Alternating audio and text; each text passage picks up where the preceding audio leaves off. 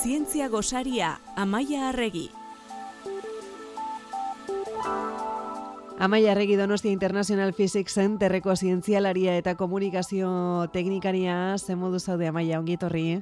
Oso ondo eider. Gaurre, aragi kultibatuari buruz hitz egin nahi diguzu. Bai, e, bueno, aurreko estiralean, e, Soile Green pelikula distopikoa proiektatu genuen zinema eta zientzia zikloan, 2008an kokatzen den historio bat da, irurogeita margarren amarkadan egin zuten, baina 2008an, ba, bueno, etorkizuna apokaliptiko bat aurre ikusten zuen, ba, aldaketa klimatikoaren ondorioz, ba, janari eskasiak, astindutako gizarte bat, ez?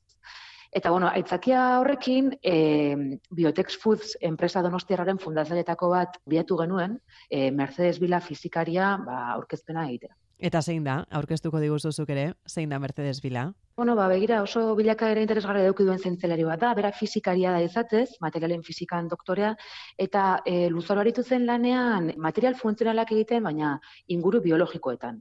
E, bueno, diru laguntza jaso ditu, sariak, e, e, nazio artean, eta ja, 2000 eta ama bostean, e, salto egin zuen akademiatik industriara. Ordura arte, aritu zen bat ipat, gaina, sari bat jaso zuen, ez zurreunen erregenerazioan egindako lanengatik. Mm Eta ordua momentu batean, erabakitzuen, ba, know-how hori edo ezagutza hori erabiltzea, eunen erregenerazioan beharrean, ba, janaria sortzeko. E, 2008an, inigo txarolarekin elkartu zen, eta Biotex Foods e, enpresa aitzindaria sortu zuten donostin. Eta enpresa horren helburua da, em, nora baita esango dugu, aragi jasangarria sortzea. Bai, beraiek aragi alternatiboa eta jasangarria deitzen diote, eta bueno, eta izen ofizial bezala aragi kultibatua deitzen diote. Bueno, duela urte batzuk aragi artifiziala deitzen zizaio, baina bueno, ulertzen dut hori marketing aldetik ez dela bat ere egokia aragi horiek saldo alizateko, eta gaur egun aragi kultibatua deitzen hasi dira, eta bueno, niri bizait asko zobeto sartzen da izen bat dela. Mm -hmm. e, egunean sartzen baldin bazerate, jartzen duen da biziko mezua da Meat for All, Real, Healthy, Sustainable and Tasty. Hau da, aragia denontzat, erreala, osasungarria, jasangarria eta zapore duna. Eta horrelatzen dute 2000 eta berrogeian merkatu osoren euneko goita marra okupatuko dutela aragi kultibatuek eta barazketan oinarritatako kontatu zigunez gaina Mercedesek e, mundu osoan e, aragi kultibatu egiten duten bost enpresa daude guztira eta horietako bat Donostian bertan dago beraz garrantzitsua iruditzen zait hori buruz hitz egitea haien batzuk entzu dute dagoeneko baina neri interesgarri dituzte. Bueno, azken urtetan alternatiba honen inguruan interesa eta inbertsioa asko hasi dira eta 2021 batean startup bezala hasitako biotech foods enpresak e, Brasilgo JBS multinazionalaren inbertsio garrantzitsua jaso zuen enpresa hori bai elikaduraren sektoreko munduko liderra da Nestleri aurre hartu ziolako ja urtu hortan. Duan e, ulertu dezakezuenez ba horrelako enpresa batek apostori egitea esan nahi du ba bueno, perspektiba handiak daudela aragi kultibatuen inguruan. Baina bueno, ba JBS taldea e, sinaduran sartzen instalazio bat zabalduko da Gipuzkoan eta 2024an eta produktu berria e, eskala industrialean fabrikatzen hasiko dira. Eta nola sortzen dute alternatibo hori? Nola lortzen dute sortzea? E, bueno, prozesua eun azkuntzan oinarritzen da, hau da, benetako aragi eunen azkundean. Zukartzen duzu aragi zati bat, eta gero in vitro zelula azkunde prozesu bat erabiltzen duzu. Ingurunetik, bere ingurune naturaletik kanpo e, azteko e, gaitasuna daukan. Ba, kontrolatzen dira e, baldintza kimikoak eta abar, eta temperatura ez tasuna pH imaginatu dezakezuten guzti hori eta ba bueno ba zelulen ugalketa hori e, modu kontrolatu batean eta bizkar bizkorrean gertatu dadin. Ba lehenago ezurren erregenerazioan egiten zuen bezala. E, baina kasu honetan claro un biologikoak animalian muskuluak dira. Hau da muskuluak egiten dituzte laborategian uh esan duzu eta animalien proteina bai. Uh esan duzu eh, mendik urte gutxira merkaturatuko dutela zeharagi mota ekoizten dute, eh? Ba, Mercedes Bila kontatu zigunez, beraien asmoa, hamburguesak, nagetak eta saltziak egitea da. Nagetak badakizu ez nola dian, ze hori, mm. no, baten batek ez du jakingo, baina, bueno, e, oliasko zatiak dira, ez? Oliasko zatiak, ladrillo formako oliasko zatiak. Eko jankiak dira, ez? Mm. Produktu bezala. Guk horren mendiko orain e, petxuga jaten dugu, baina, bueno, askok eta askok nageta jatu dute ja. Mm Bueno, mundu mailan produktu hauek, hamburguesak, nagetak, saltziak, izugarretzeko konsumoa daukate, eta bueno, ba, e, merkatu hortan sartu nahi dute mm. hasiera batean. Ez dugu hor txuletarik aurkituko orduan. Ez, eske gainera interesgarria da, zeren ostealeko solasaldian gai honen inguruan e, eztabaida sortu zen.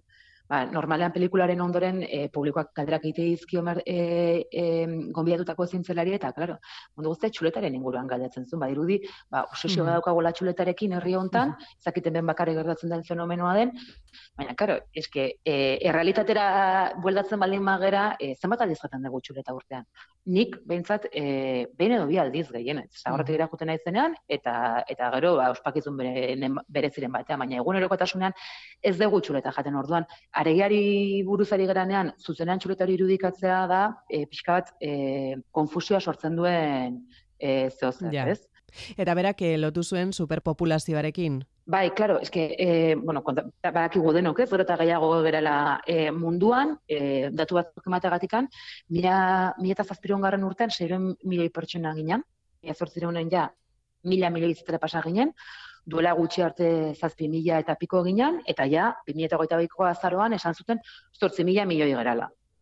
Bueno, ba, badirudi, mendebuka eran, iaia amaika mila milioi izatera pasako gerala. Horiek dira aurre ikuspenak. Mm Orduan, e, janaria eskaera izugarria ziko da, e, urrengo amarkadetan, eta eskaera horri erantzun alizateko, ba, estrategia berriak garatu beharko dira. Mm Zeren bestela, e, e, e, ba, ezak dugun, e, milioika granja intensibo ez dakit ezak. Ezin izango zaio guzti horri eutxi, seguruenera, ez? E, baina, hueltatu gaitezen e, Biotech Foods e, enpresaren produktuaren deskribapen horretara liuratuta e, bainauka, e, aragi alternatiboa da, baina beraiek esaten dute bai. benetakoa dela. Bai, Karo, benetakoa dela diotenen esan dutena da, benetako animalia aragia erabilizu galdu dituztela zelulak. Hau da, oza, beraiek aragizati bat hartu dutela, eta, eta nahiz eta ez duten modu konbentzionalean e, ugaldu, e, e, oinarria benetakoa da. Ja. E, oza, zelula horiek animalia zelulak dira, animalia proteinak dituzte. Ja. E, horrekatik benetakoa. Ez da e, soja eta zer hartu eta hamburguesa vegetal bat egitea. Mm ez, honek animalia proteina dauka, aragia da, muskuloa Hori horregatik ez dute benetakoa. Bai. Eta osasungarria. Bai, bueno, animalien proteina beharrezkoa den edo ez ez da bai da, hor dago, eta nina ez gai hontan aditua, baina bueno, e, badirudi e, bueno, animalien proteina gure garapenean, gure burmuina garatzeko eta onditzeko oso garrantzitsua izan dela eta oro jaleak gera eta orokorrean aragia jatea ona dela, ez? Eta ulertu dezakeguna da, ba, produktu hauek merkatura atera baino lehen e, kalitate froga pasako dituztela eta bermea izango dutela, horregatik ez dute ba osasunarria, da? Alde batikan aragia jatea ona delako da gaina bereiek sortuko duten aragia e, kalitatezko izango delako. Mm, esan gabe doa, jasangarria ere izango dela. Bai, e, bueno, aipatu dugu munduko superpopulazioak epa, erronka berriak sortuko dituela, eta aragi kultibatua animalian proteina modu jasangarrean kontsumitzeko aukera bihurtu daiteke. E, alde batetik, ba, kiua beltzen intensiboak, ba, negutegi efektua e, sortzuten gazen emisio handia sortzen duela, e, gaina emiti, metano emititzen dutelako, eta zeobia baina askotzere kutsakorragoa da, eta datu batzuk bildu ditu, teliario.es e, egunkarian, Beraien arabera, ez ikoizpen intensiboaren eta hauen gorazkoaren ondorioz, Europako hogei korporazioan diren berotegi efektuko emisioak, Espainiak urtebetean liberatutako zeobi guztien irula orden dira.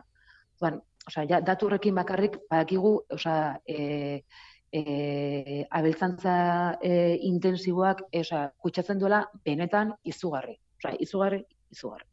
Ordan, bueno, ba, zer egin dara dago noski. Eta aukera bat izan eh arage kultibatua, zeren, bueno, ba, asko zere CO2 emisio bajoagoak ditu. Ba, esan dugu, osasungarria, jasangarria, eta soi falta zaigu zaporea.